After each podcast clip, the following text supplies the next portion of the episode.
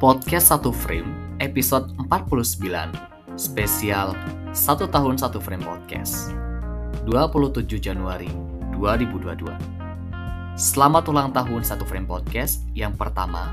Semoga tetap menjadi podcast yang menginspirasi anak muda.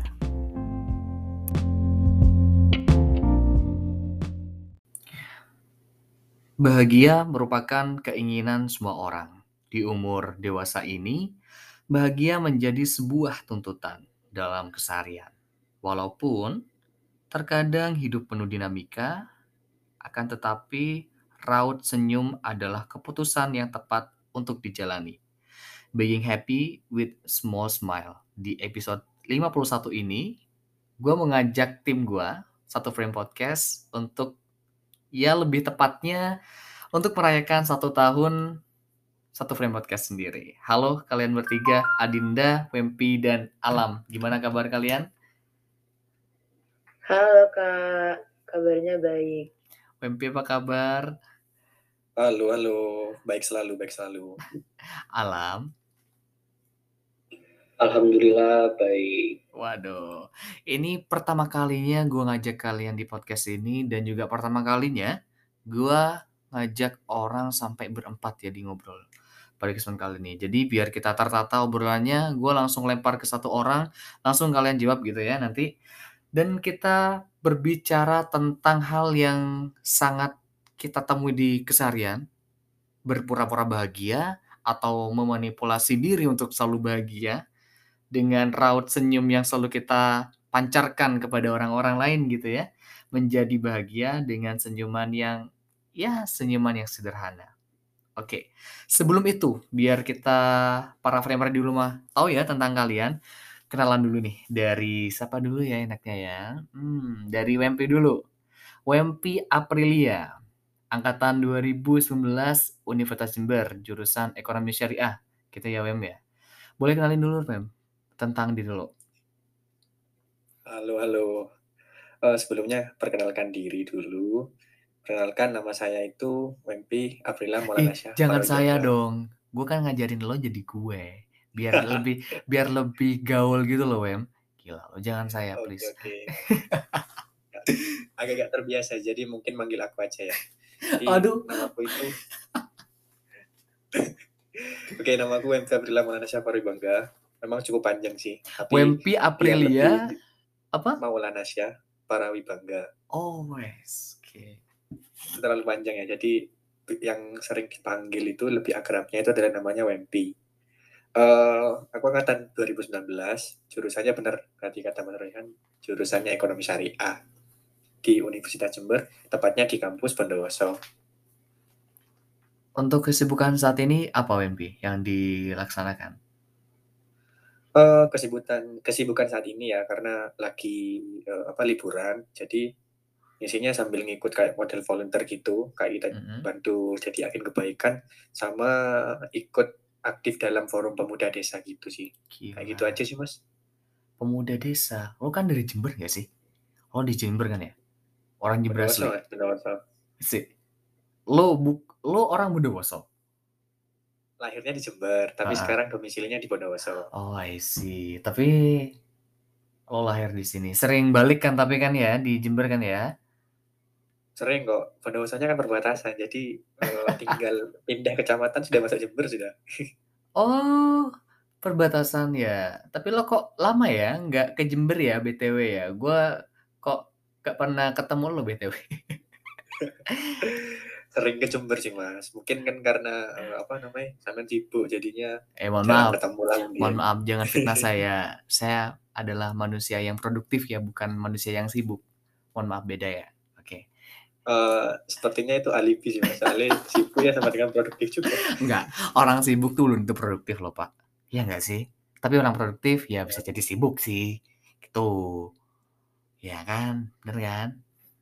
Kurang lebih seperti itu sih. Oke, jadi gue pengen ajarin lu untuk berkata lu gua aja ya, jangan aku ya, jangan sopan lah di podcast ini, oke? Oke, oke. Untuk selanjutnya kita ke Adinda Hafita Yang mana ini adik tingkat gua ya dari SMK 3 Pamekasan dan saat ini menempuh di pendidikan bahasa Inggris ya, Dek, ya kalau nggak salah di Universitas Trunojoyo Madura. Oke, perkenalkan diri lo kepada para framer di rumah yang lagi dengerin podcast ini. Halo teman-teman framer di mana pun kalian berada, kalian berada. Uh, kenalin nih nama gue Adinda Vita Dewi. Uh, kalian bisa panggil gue Dinda.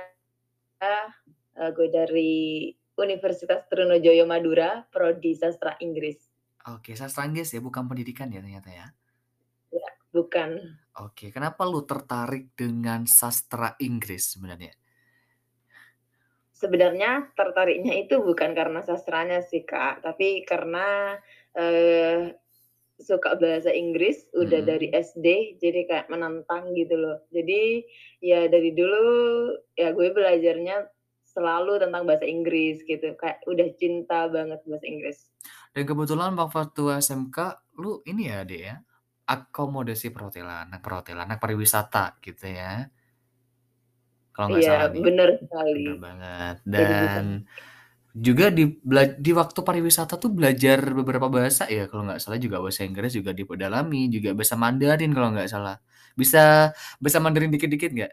Cie wah ini itu doang ekspektasi gue sih kak, itu ekspektasi gue pada saat gue dulu waktu SMP. Cuma ketika angkatan gue itu ternyata nggak ada loh kak, nggak ada bahasa Mandarin. Bahkan adik kelas gue malah yang ada bahasa Korea. Dan ya bahasa wow Inggrisnya cuma ada dua, bahasa Inggris umum dan bahasa Inggris khusus. Bahasa Inggris khusus itu gantinya eh, bahasa asing lainnya. Wah agak agak eh, gimana sih ya kayak ya udahlah agak sesuai ekspektasi. Tapi of course eh, have fun sih di perhotelan. oh ternyata lu nggak dapat ini ya nggak dapat pelajaran Mandarin berarti ya waktu itu Nggak dapet. gila kasihan sih ya Pur Adinda karena di angkatan gue dulu ada sih belajar bahasa Mandarin itu. Jadi angkatan gue tuh kayak ya ada beberapa lah ya. Dia sampai ngafalin si kosakata bahasa Mandarin gitu. Tapi lucu di mulutnya mereka tuh kayak si si si gitu lah pokoknya gitu. Tapi untuk saat ini aman ya. Maksudnya menjadi mahasiswa sastra Inggris di UTM adalah salah satu impian lo berarti? Ya aman banget sih kak. Karena memang eh, mungkin that's my skill and uh, ya I can improve in English Literature Study Program in Trunojoyo Madura University dan ya benar-benar enjoy banget dan nggak pernah merasakan salah jurusan oh untuk saat ini ya nggak tahu eh, semester ke depannya. Tapi untuk saat ini udah udah apa namanya udah basically ya gue nggak salah jurusan ya gitu berarti ya. Ya Oke aman nggak kan? salah jurusan. Nggak salah jurusan. Semoga tetap dilancarkan ke depannya gitu ya. Oke, Iya amin. kita beralih ke alam. Agak agak ribet ya saya kalau tiga orang ya ini ya. Oke, alam. Gimana kabar hari ini? Baik. Alhamdulillah kabarnya baik kak. Ini adalah pure adik tingkat gua, prodi sama, fakultas sama, univ sama. Apalagi yang sama ya Lam ya? Apalagi yang sama? Nggak ada sih kayaknya itu aja yang sama. Nggak ada sih. Bisa kenalkan dulu kepada para framer di rumah yang lagi dengerin podcast- ini, lu siapa nih sebenarnya Lam? Oke, sebelumnya terima kasih eh, kepada Kak Raihan udah mengundang saya. Eh, Ya coy, lu nggak diundang, saya ya. lu nggak diundang, lu tim gua. Eh, Oh beda iya ya. betul, betul banget. Anda nggak Ya, sadar diri ya? Ternyata ya. Biar biar kayak ngerasa bangga gitu loh diundang. Biasanya kan orang-orang ketika Keren. conversation sama saya tuh terima kasih Rehan sudah diundang gitu ya. Iya betul. Ya eh, baik. Sebelumnya eh, halo teman-teman framers. Eh, lebih baik aku manggil Besti aja ya, Besti framers ya. Anjay, Besti Framer apa lagi nih? Oke, nggak apa-apa. Perkenalkan nama gua Muhammad Fidian Mega Alamsyah, panggilan Alam. Ya, gua dari eh, adik tingkatnya Kak Royhan, yaitu di Agroteknologi angkatan 2019, Fakultas Pertanian Universitas Jember. Gua dari Pasuruan, Jawa Timur. Indonesia. Indonesia. iya. Indonesia-nya kurang. Heeh, Indonesia, bumi, tata surya gitu. Oke, berarti udah tahu ya teman-teman semuanya nih yang lagi dengerin podcast ini, bener-beneran pure nih alam adalah adik tingkat gua. Gua ngambil dia, asik ngambil. Kayak anak-anak ini aja ya, anak pungut gitu ya. Jadi saya ngambil, gua ngambil si alam ini karena dia tuh pintar yang namanya desain. Jadi yang kalian lihat di Instagram itu yang lagi desain-desain tentang ini apa namanya yang selain cover podcast ya itu adalah buatannya si Vidian Vidian apa sih namanya lu Vidian ma Vidian nama Vidian apa Mega Alamsyah. Yes, Vidian Mega Alamsyah. Nah, ini buatannya si Alam itu. Nah, untuk kesibukan saat ini apa nih, Lam? Selain menjadi peserta magang MBKM. Dan terakhir April ya. Jangan jangan semoga aja jangan sampai April ya MBKM-nya. Soalnya Tapi- saya juga Tapi kayaknya Soalnya setengah tahun juga- gak sih? pengen liburan gak sih? Oh, di sana nggak liburan berarti ya. Kasihan deh. ya untuk kesibukannya mungkin cuma magang aja sih. Terkait kesibukan lain eh, mungkin ada di organisasi organisasi kayak gitu. Kayak gitu sih. Kesibukannya lagi magang dan organisasi. Gitu ya. Iya betul. Ngedit-ngedit masih? Menerima freelance atau seperti apa nih? Untuk ngedit-ngedit tergantung sih ya. Boleh sih kalau misal dari teman-teman framers eh, bisa hubungin saya terkait desain-desain Promosi ya, promosi ya. Gak apa-apa, hitung-hitung di akhir ya nanti ya promosinya ya. Iya, Oke, jadi memang ketiga adik-adik gue ini ya, gue bilang adik-adik karena memang ya adik tingkat beneran sama memang gue paling tua di di ruangan ini ya. Dan gue ngerasa bahwa mereka tuh punya potensi. Kenapa gue jadikan mereka jadi tim gue? Jadi kalian tuh harus punya kuping besar dulu ya. Kalian tuh punya potensi. gue puji kalian dulu. Oke, kita membahas tentang sesuatu hal yang sangat menarik yang sering kita hadapi dan sering kita alami juga, sering kita temui tentang bahagia.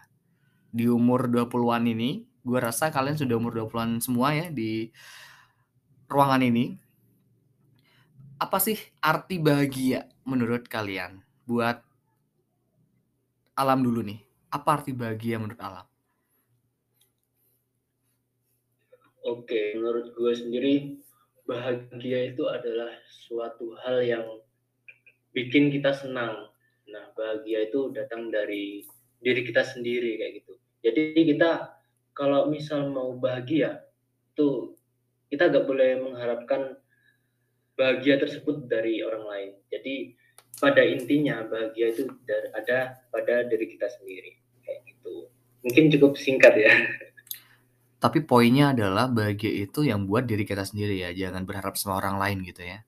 Ya, Karena betul. Kalau berharap tuh lebih ke ekspektasi dan jadinya ekspektasi ketika tidak sesuai itu malah ngedownin diri. Dan itu gue sudah ngalamin juga. Lo pernah ngalamin kayak gitu nggak sih Lam? Di awal-awal Ya. mungkin sebelum lo punya pernyataan bahwa bahagia itu yang buat ya diri kita sendiri dan dari kita. Sebelumnya pernah nggak sih lo merasa bahwa bahagia gue itu kayak tergantung sama orang. Gue terlalu berekspektasi sama orang. Misal sama pacar nih, yang sebelumnya lu punya pacar kan ya? Punya kan ya? Nah mungkin lu merasa bahwa sebelumnya gue bahagia ketika bareng pacar gue gitu kan. Tapi pada faktanya lu bahagianya sementara. Ketika mungkin lu bareng dia itu tidak nyaman, mungkin dia tidak ngasih kabar, ya ternyata gue gelisah. Yang artinya itu kan bahagia lu tergantung sama orang. Pertanyaannya, lu pernah gak sih bahagia lu sebelumnya tergantung sama orang? Sebelum lu punya pernyataan yang lu utarakan tadi gitu. Oke, eh, menurutku sendiri sih bisa dibilang pernah ya sih, pernah ya. Soalnya uh, dari aku sendiri juga ngerasain sendiri ya. Ya memang bener sih kayak misal kita punya orang terdekat gitu untuk nemenin kita itu juga adalah suatu hal yang bahagia. Nah kita juga pasti harus siap dengan keluh kesahnya dengan uh, sesuatu hal yang bikin kita sedih. Jadi ya bener sih bahagianya kadang cuma sementara kayak gitu. Pasti ada sedihnya juga. Kayak gitu. Jadi tergantung sama orang ya dan itu nggak enak. Dan menurut lo bahagia adalah yang buat kita, diri kita sendiri. Sepakat ya, sih iya, gue banget sih. Karena memang banyak manusia di luar sana itu bahagiaan yang mereka inginkan itu tergantung sama orang. Padahal tuh bentuknya adalah ekspektasi hmm kasihan ya sebenarnya oke gue lanjut ke WMP gue lanjut ke WMP nih apa arti bahagia menurut seorang Wempi Aprilia? Oh, bahasa al bahagia ya sebenarnya uh, suatu hal yang ini sih yang sering kita temui lah ya. Cuman bagi gue sih kalau bahasa al bahagia itu nggak luput dari ketenangan sih. Jadi hmm. ketika kita merasa bahagia, sudah pasti di situ ada di dalamnya kita pasti bakal merasa tenang. Apa gue bilang gitu? Karena bagi gue itu kebahagiaan yang di dalamnya tidak ada ketenangan, itu menurut gue itu bukan ketenangan. Karena pada dasarnya memang menurut gue ketenangan itu yang selalu membahagiakan. Sebaliknya, kebahagiaan itu adalah yang selalu menenangkan. Jadi kayak gitu sih kan. WMP Aprilia 2022. Gila. Lu pernyataan lu keren banget loh, Wem. Anda belajar dari mana BTW itu? Kayak kayak filsafat filosofi kayak gitu tuh. Sebenarnya gak belajar langsung gimana-gimana ya. Cuman ya mengalami ya Pak ya karena mengalami ya karena mengalami sebenarnya karena tapi gue setuju sih kak tadi kalau uh, yeah. si alam bilang bahwa kebahagiaan itu yang dirasakan oleh sendiri dan dibuat oleh diri sendiri itu gue setuju banget karena memang kebahagiaan yang kita rasakan itu sudah pasti yang kita buat sendiri kalau misalkan kebahagiaan itu didapat dari orang lain. Menurut gue itu sih bukan murni namanya kebahagiaan. Mungkin ya memang kebahagiaan. Tapi benar kata alam tadi hanya sementara sih. Oke. Okay. Berarti poin yang ingin lo sampaikan tentang arti bahagia adalah, bahagia itu adalah bagaimana kita mencapai puncak ketenangan itu sendiri gitu ya? Belum tentu orang tenang itu orang bahagia itu belum tentu tenang gitu ya, tapi kalau sudah tenang, kita sudah mencapai kebahagiaan. Asik. Kalian sih sama kalian tuh pada pintar-pintar semua ya. Kayaknya kalian sudah menghadapi hidup gitu, menghadapi ujian hidup yang berat gitu kayaknya. Oke, okay, gue pindah ke Adinda. Apa arti bahagia menurut Dinda? Uh, sebenarnya menurut Dinda sendiri, ya bahagia itu ya dari hati. Gitu. Asik. Kalau misal ada yang bilang uh, gue bahagia kalau dia bahagia. Sebenarnya dia bahagia, lalu diri sendiri itu sebenarnya gak bahagia kan kebanyakan gitu ya kak. Hmm. Harus ada yang dikorbankan sih kak. Kalau misal lihat dia yang bahagia tapi kita nggak bahagia, cuma pura-pura bilang bahagia itu sebenarnya enggak sih. Jadi bahagia itu ya ketika diri kita itu bahagia, memang benar-benar dari hati, yaitu sih arti kebahagiaan yang sebenarnya gitu dan benar kata Kak Alam, Kak Wempi, ya memang bahagia itu tercipta dari diri sendiri. Ciptakan kebahagiaan dari diri sendiri, bukan mencari kebahagiaan.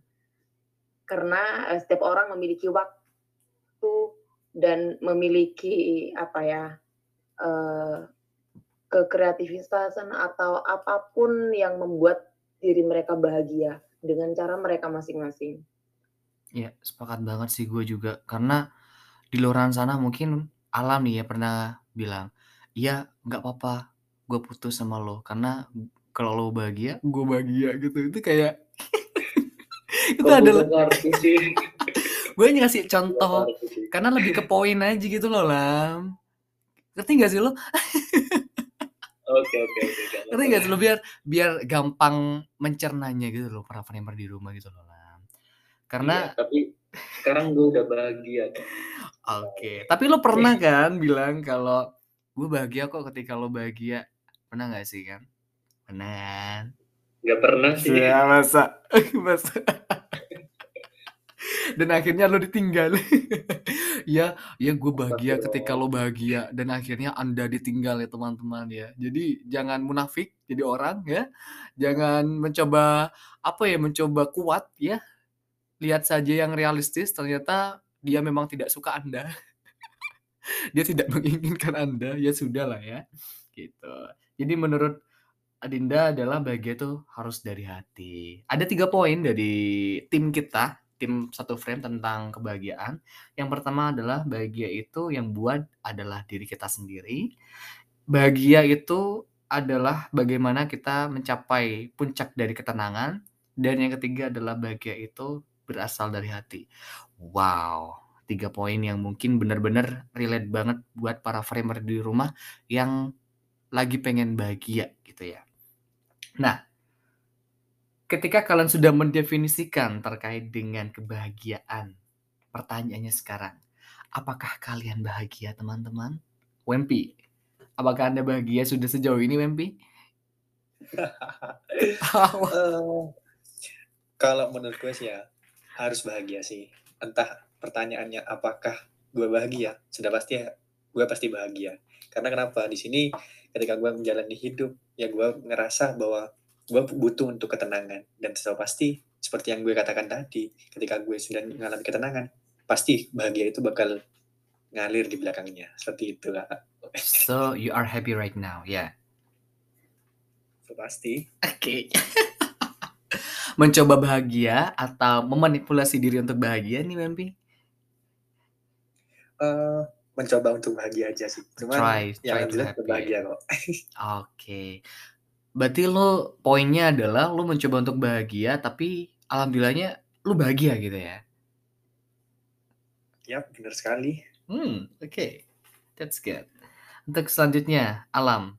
Kayaknya lo nggak bahagia, Dil. Kata siapa tuh? Kata kata netizen di di, di liruan sana gitu loh. Karena kan kemarin lu lagi putus gak sih? Apalagi pacar lu sudah punya yang lain. Oke, okay. lu bahagia nggak sejauh ini? Uh, di umur kepala dua ini, menurut menurut gue ya, itu uh, kalau mencari kebahagiaan itu mudah ya. Bener, uh, kataku tadi, kata gue tadi bahwa bahagia itu bisa dibuat oleh diri sendiri. Nah, tapi lebih tepatnya benar kata si Wempi bahwa uh, di umur kepala dua ini kita itu cuma butuh ketenangan kayak gitu. Asik. Jadi kalau misal kita udah tenang, kita pasti bahagia. Oke. Okay. Dan sekarang gua bahagia. Hmm, masa. Saya adalah orang pertama yang tidak percaya bahwa Anda bahagia. Beneran nih, gue bahagia. Beneran ya? Oke, jadi mencoba bahagia atau memaksakan diri untuk bahagia nih, Alam? Uh, tidak kedua-duanya, soalnya gue bahagia banget. Bahagia banget ya. Oke, okay. who knows ya? Tidak ada orang yang tahu, tapi ya alhamdulillah kalau bahagia, semoga terus bahagia ya Alam ya. Oke. Okay. Terus selanjutnya, Dinda. Yeah. Menurut lo, apakah lo sudah bahagia sejauh ini? Uh, Oke, okay. sejauh ini uh, gue merasa bahwa gue bahagia karena uh, di sekeliling gue juga banyak orang-orang baik yang mungkin ketika gue gak bahagia, mereka bisa menghibur gue untuk bahagia. Dan di sini gue punya mindset bahwa uh, kita bahagia ya karena diri kita sendiri dan kita bisa bahagia karena kita yang menjadi pemeran utamanya di sini. Jadi ya e, ibaratkan drama. Ya kalau kita mau buat bahagia ya bagaimana caranya? Kita ini e, apa ya? bikin kebahagiaan versi diri kita. Jangan pernah niru orang lain itu sih yang sampai saat ini menjadi pengalaman gue sih untuk bahagia yang sejujurnya. Karena mungkin kemarin-kemarinnya ya gue pernah bahagia menurut versi orang lain dan uh, it's a little bit uh, apa ya nggak terlalu sebahagia itu. Tapi kalau kita yang ciptakan sendiri wah it's worth it. Oke, jadi you're happy right now ya? Very very happy Iya. I think. Kalau gue lihat memang Din Dinda nih orangnya bahagia-bahagia aja ya, beda sama Alam sih. Ya, knows ya, kita nggak tahu orang seperti apa. Tapi lagi. karena karena nggak bisa nggak bisa Lam, nggak bisa Lam. Saya kenal Anda gitu. Saya tahu Anda gitu loh. Tapi nggak apa. Tapi dari tiga orang yang lagi diajak ngobrol gue pada kesempatan kali ini pun dia merasa bahwa iya I'm happy. Sebenarnya itu yang gue perlukan sih. Jawaban itu yang gue perlukan walaupun memang dalam kondisi kita saat ini kita mungkin merasa masih kurang bahagia atau tidak bahagia. Karena I'm happy is a mindset. Kalau menurut gue sendiri, apakah bahagia itu adalah sebuah tujuan atau adalah sebuah apa ya bisa dikatakan tuh sebuah tuntutan di dalam hidup? Kayaknya iya ya. Kalau banyak statement yang ada di luar sana sering kita dengar adalah ya yuk yang kita cari adalah kebahagiaan. Walaupun memang banyak hal yang mendasari kebahagiaan itu sendiri. Mungkin ketemu orang tua gitu ya, setelah jauh nggak ketemu, mungkin ketemu idol kita, mungkin berbicara podcast ini, mungkin kita sudah bahagia gitu. Atau ketemu pacar baru ya Lam ya, gantinya dia. Mungkin. Amin. Amin, cepat-cepat ya. Itu udah bahagia. Jadi memang hal yang mendasari itu seperti itu. Walaupun memang ya setiap orang punya kebahagiaan sendiri. Nah, gue udah tahu kalau kalian saat ini masih dan sedang bahagia. Semoga tetap sampai akhir ya. Sampai akhir hayat sih kalau bisa dikatakan. Walaupun dinamika hidup itu pasti ada. Namanya dinamika pasti kita ada posisinya sedih gitu ya posisinya bahagia, senang, kecewa, marah, iri, dengki gitu. Adalah namanya dinamika hidup. Tapi yang namanya kehidupan pasti yang kita kejar adalah kebahagiaan itu sendiri. Kalau gue melihatnya seperti itu. Di tahun 2022 ini banyak yang ingin bahagia juga. Banyak resolusi yang tertulis. Banyak resolusi yang terucap di 2022 ini tak terlebih dari kalian bertiga juga. Gue tanya ke Dinda dulu. Apa resolusi lo nih, Din, di 2022? Selain kebahagiaan itu sendiri gitu loh. Ya, tentunya pasti masa depan dan bagaimana caranya uh, gue bisa apa ya memprioritaskan uh, cara-cara untuk bisa menggapai masa depan gue itu ya dengan cara berkuliah. Dan empat uh, tahun ini gue ingin uh, apa ya gue benar-benar gunakan dengan sebaik mungkin ya mungkin dengan ikut organisasi karena gue juga masih baba. Dan untuk resolusi 2022 tentunya kalau di kelas sendiri ya gue pengen IPK gue itu sama kayak apa ya IPK IPK motivator motivator gue Asik. dan salah satunya Kak Ryan adalah motivator oh my gue God, gue way. seriusan IPK gue jelek anjay beneran tapi tapi kakak bisa loh mengimbangi dengan hal-hal lainnya Duh, tolong jangan puji saya. Tolong, kuping saya mekar. nanti terbang ya pak Terbang saya, pakai kuping saya gitu. Nanti helmnya nggak cukup tuh. ya, seperti itu ya, sepertinya. Oke, jadi uh, resolusinya adalah IPK. Yang IPK. pertama pasti IPK karena gue juga uh, uh, FYI ya. Jadi gue itu sebenarnya di sini juga mahasiswa ke IPK yang harus mempertahankan IPK seperti itu. Lalu juga sebenarnya banyak sih resolusi di tahun 2022 ini.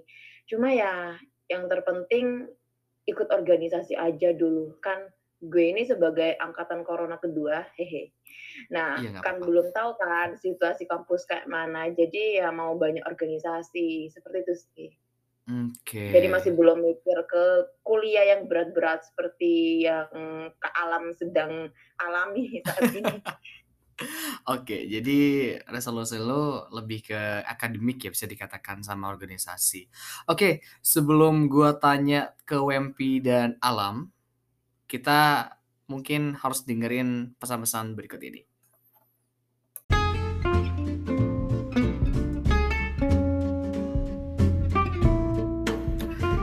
Podcast Satu Frame saat ini melebarkan sayapnya dengan membuat platform lain seperti Satu Frame Story, Satu Frame Science, dan Satu Frame Match. Buat para framer yang ingin merchandise gelang tali yang unik dan handmade, bisa banget cek langsung di IG Satu Frame Match.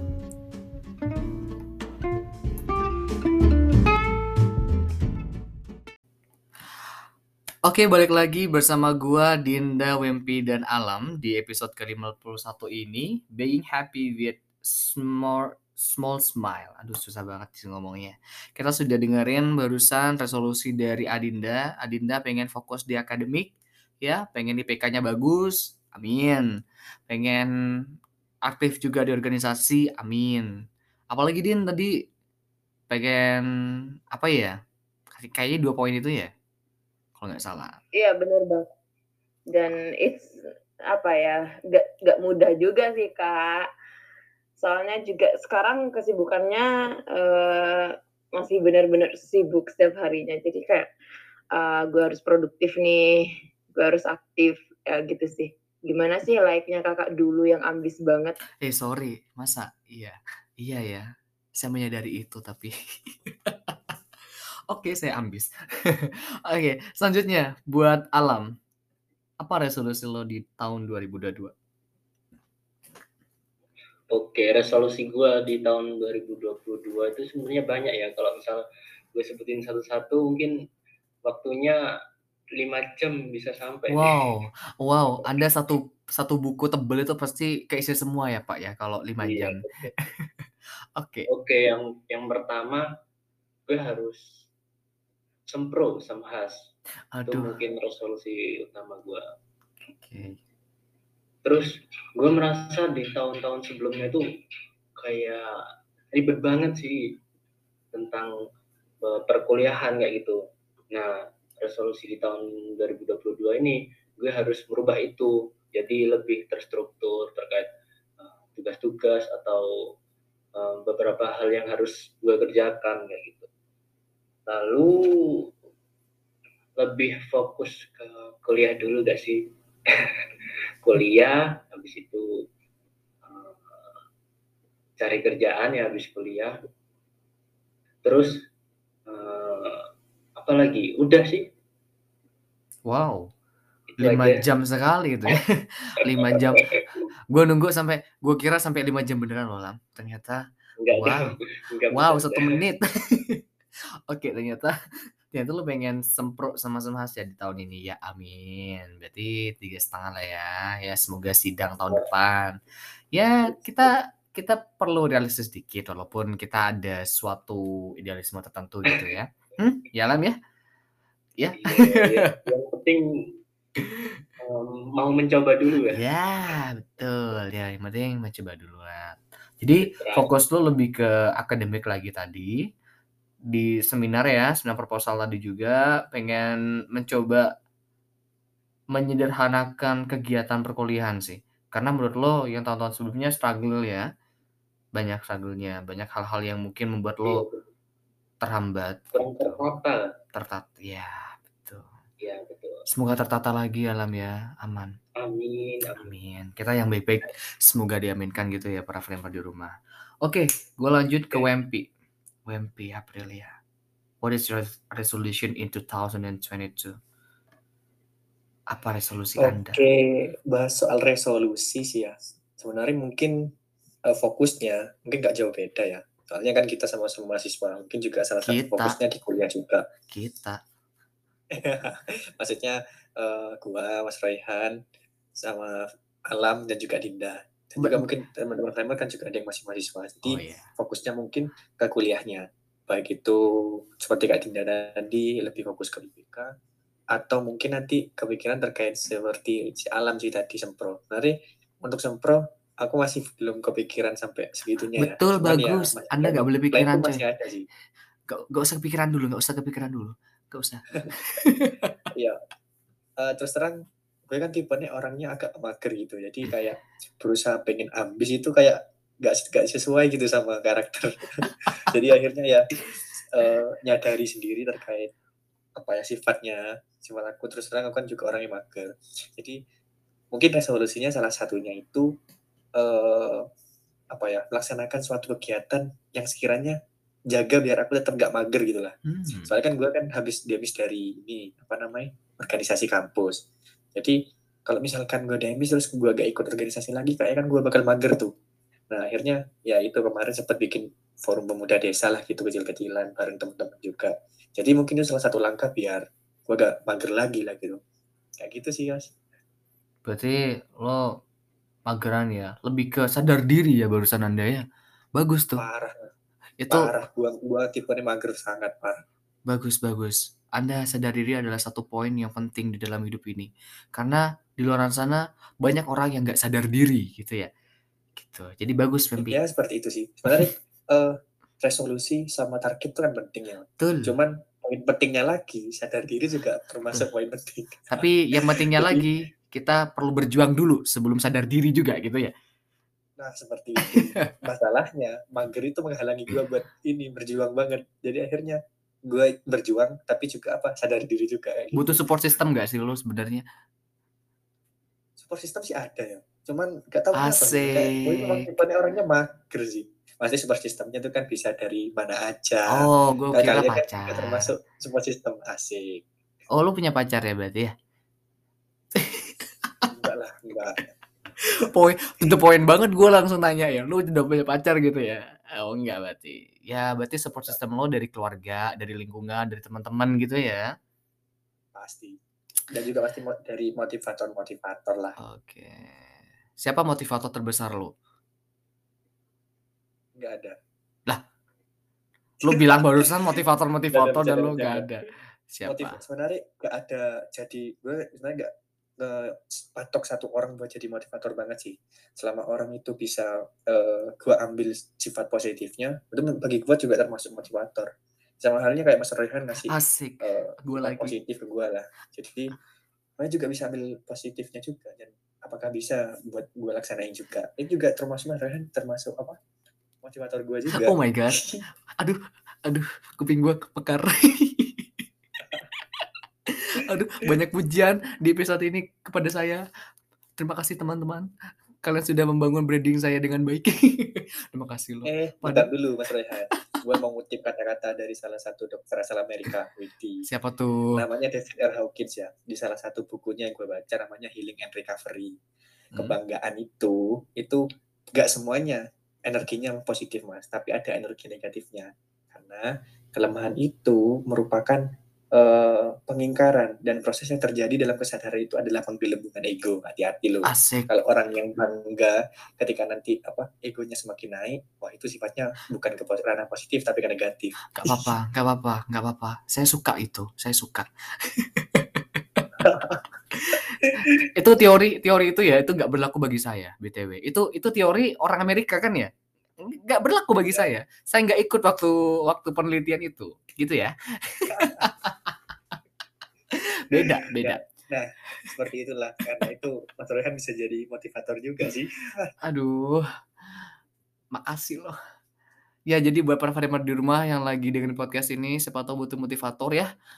Ya tapi ya jangan gratisan juga ya lebih tepatnya. Bisa lah undang saya. Iya, kita kan sekarang butuh realistis gitu ya, Pak ya. Jadi siapa tahu kita jadi ini jadi itu dibayar kan ya sama-sama enak, sama-sama bahagia lah kayak gitu kan ya. Kalian ngundang saya ya bahagia, saya dibayar kalian ya bahagia. Kayak gitu. Ya sama-sama bahagia aja. Nah, berarti resolusi kalian bisa ditarik kesimpulan lebih fokus ke ini ya lebih fokus ke akademik ya kebanyakan dan juga ada yang ingin membangun habit yang berbeda ya bisa dikatakan seperti itu. Yang alam tadi pengen yang sebelumnya itu kayak yang kurang tertata lebih tertata lagi. Yang WMP yang sebelumnya mageran pengen gak mageran gitu. Berarti kan kita ngebangun habit yang lebih baik lagi, better than 2021 gitu. Oke, ngomongin resolusi yang mungkin kita sudah dengarkan dari ketiga orang yang gue ajak ngobrol ya pada kesempatan kali ini. Balik lagi ke kata bahagia. Kita sudah tahu arti bahagia menurut kalian dan kita sudah tahu terkait dengan apakah kalian bahagia atau tidak untuk saat ini. Dan pertanyaan selanjutnya adalah apa sih yang membuat kalian bahagia? Karena kita ngebahas bahagia terus ya. Apa yang membuat bahagia? Alam. Apa yang membuat Anda bahagia? Jangan cuan. Jangan cuan. Itu adalah ja, itu adalah pasti yang pertama. Cuan Mas. Aduh, itu pasti dah. Iya sih, kayaknya itu nggak lepas sih dari kehidupan manusia. Ah, selain itu, dia, ya selain itu ya, uh, yang bikin gue bahagia adalah teman-teman di sekitar gue. Nah, teman-teman gue nih, uh, alhamdulillah itu berpengaruh positif banget ya ke kehidupan gue. Jadi uh, adanya teman-teman gue ini gue bisa bahagia. Nah, uh, balik lagi ya dari kata-kata gue yang tadi bahwa kita nggak boleh berharap ke teman-teman gue itu bahwa kita itu eh, kebahagiaan kita itu ada teman gue jadi yang bikin gue bahagia selain dari teman-teman gue sendiri itu uh, lebih ke apa ya lebih ke bermain bermain untuk kebahagiaan kita sendiri sih. Kayak misal contoh kita uh, main TikTok kayak gitu itu sebagian kecil dari kebahagiaan gua. Kayak gitu. Gila. Lo main TikTok bahagia berarti iya dong. TikTok gua isinya bahagia semua. Oke. Jadi iya ya nggak apa-apa. Dan itu hal kecil yang membuat lo bahagia ya? Nggak apa-apa nggak apa-apa. Mungkin main TikTok scroll-scroll TikTok berarti ya lihat-lihat apa namanya motivasi-motivasi. Isi TikTok lo apa sebenarnya? Uh, lebih ke jokes sih. Jokes oh lawakan. Oh karena uh, memang gue bilang sebagian kecil gue ada di hal-hal kecil kayak gitu seperti TikTok. Soalnya hal-hal besar yang bikin gue bahagia itu ada di teman-teman gue. Jadi bagaimanapun gue harus percayalah bahwa teman-teman gue itu nggak kayak uh, si Ana noh siapa tuh? Yang yang yang mana yang mana? To the point dong to the point dong. Jangan jangan jangan jangan gue ya, oh yang ada ya gue gue percaya bestie gue bahwa gue bahagia bareng bestie-bestie gue. Oke, amin. Jadi menurut lo yang buat lo bahagia adalah yang ada di sekeliling lo ya, lingkungan ya bisa dikatakan ya. Oke. Iya, intinya itu. Oke, thank you so much. Gue tahu, gue tahu itu karena gue ngerasa bahwa memang kebahagiaan itu selain juga berasal dari kita yang buat, tapi yang penting adalah ada nggak sih support sistemnya yang mana menurut lo adalah lingkungan lo sendiri gitu ya Alam ya dari teman-teman di dalam hal ini. Hmm. Ya, Karena bener. teman yang baik akan mendukung kita ke arah yang baik juga nggak sih? Ada yang ya, mungkin betul. ya pernah nggak sih lo pernah nggak sih lo punya teman tapi nggak sadar diri gitu? Dia tuh nggak tahu diri. Pernah nggak sih? Kalau temen banyak sih. Aduh, siapa tuh? Nggak sadar diri. Siapa tuh? Uh, jangan lah ya, jangan. Anda ini nggak tahu cara menjawab diplomatis sih ternyata ya. iya. Jadi kita perlu jawab tuh diplomatis. Ada lah mas, itu loh yang pernah ketemu gitu. Harus. jangan jangan jangan bawa kartu nanti. Oke, nanti bukunya kedutan. Jawabannya kedutan. Oke deh. Oke, Wempi, apa sebenarnya yang membuat diri lo bahagia? Oh, kalau menurut gue sih berbeda dengan alam tadi ya, yang tentu lingkupnya itu adalah yang berpengaruh bagi dia untuk bahagia. Kalau gue sendiri, yang membuat gue bahagia itu adalah dari proses gue buat bahagia itu sendiri sih. Kenapa gue bilang gini? Karena konsep gue tadi kan mengatakan bahwa bahagia itu tidak luput dari ketenangan. Nah, menurut gue proses dari kita dalam mencapai ketenangan itu sih menurut gue yang bikin bahagia. Karena ketika kita sudah mencapai hasil yang kita pengen dan kita harap harapin, tentu kayak kita ngerasa, oh aku bahagia sendi- aku bahagia banget deh gitu. Ternyata gue yang lakuin ini sampai sebesar seperti ini. Ternyata yang gue lakuin ini sampai sebegitu besarnya sehingga gue bisa bahagia dengan cara gue sendiri. Mungkin lebih seperti itu sih. Hmm, I see. Berarti proses menuju ketenangan itu malah yang membuat diri lo bahagia gitu ya, Wem ya? Iya, kurang lebih begitu sih.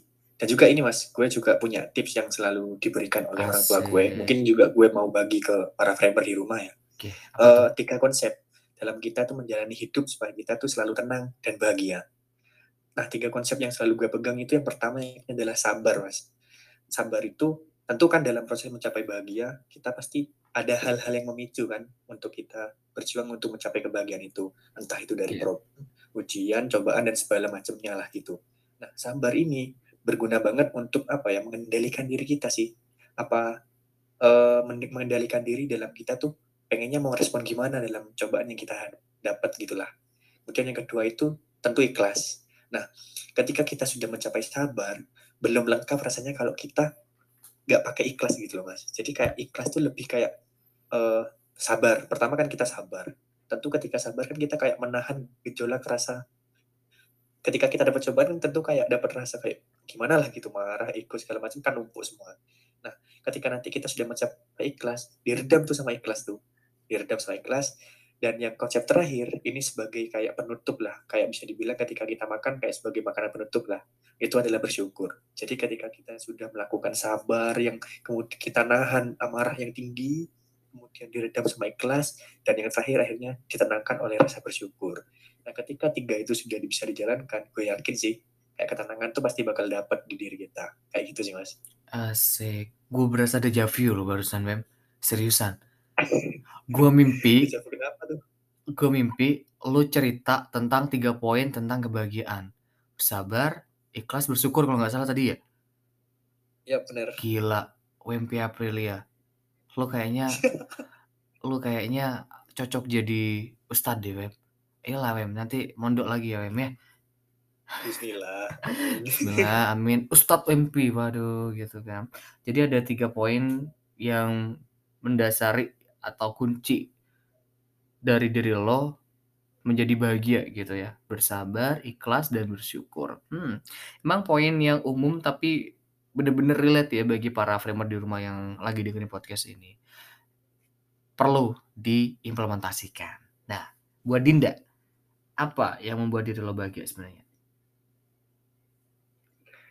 Selain dari diri sendiri yang bahagia, sebenarnya ada faktor eksternal juga Kak yang bikin bahagia. Yang pertama dan yang utama adalah keluarga pastinya. Kayak Dinda kalau nggak ada keluarga itu pasti udah gak bisa bahagia dan mungkin para framer juga di rumah pasti akan merasakan hal seperti itu ya. Karena contoh kecilnya saja nih, misal setiap hari Dinda keluar eh, ketika Dinda ikut organisasi atau apa pun pasti capek kan ya.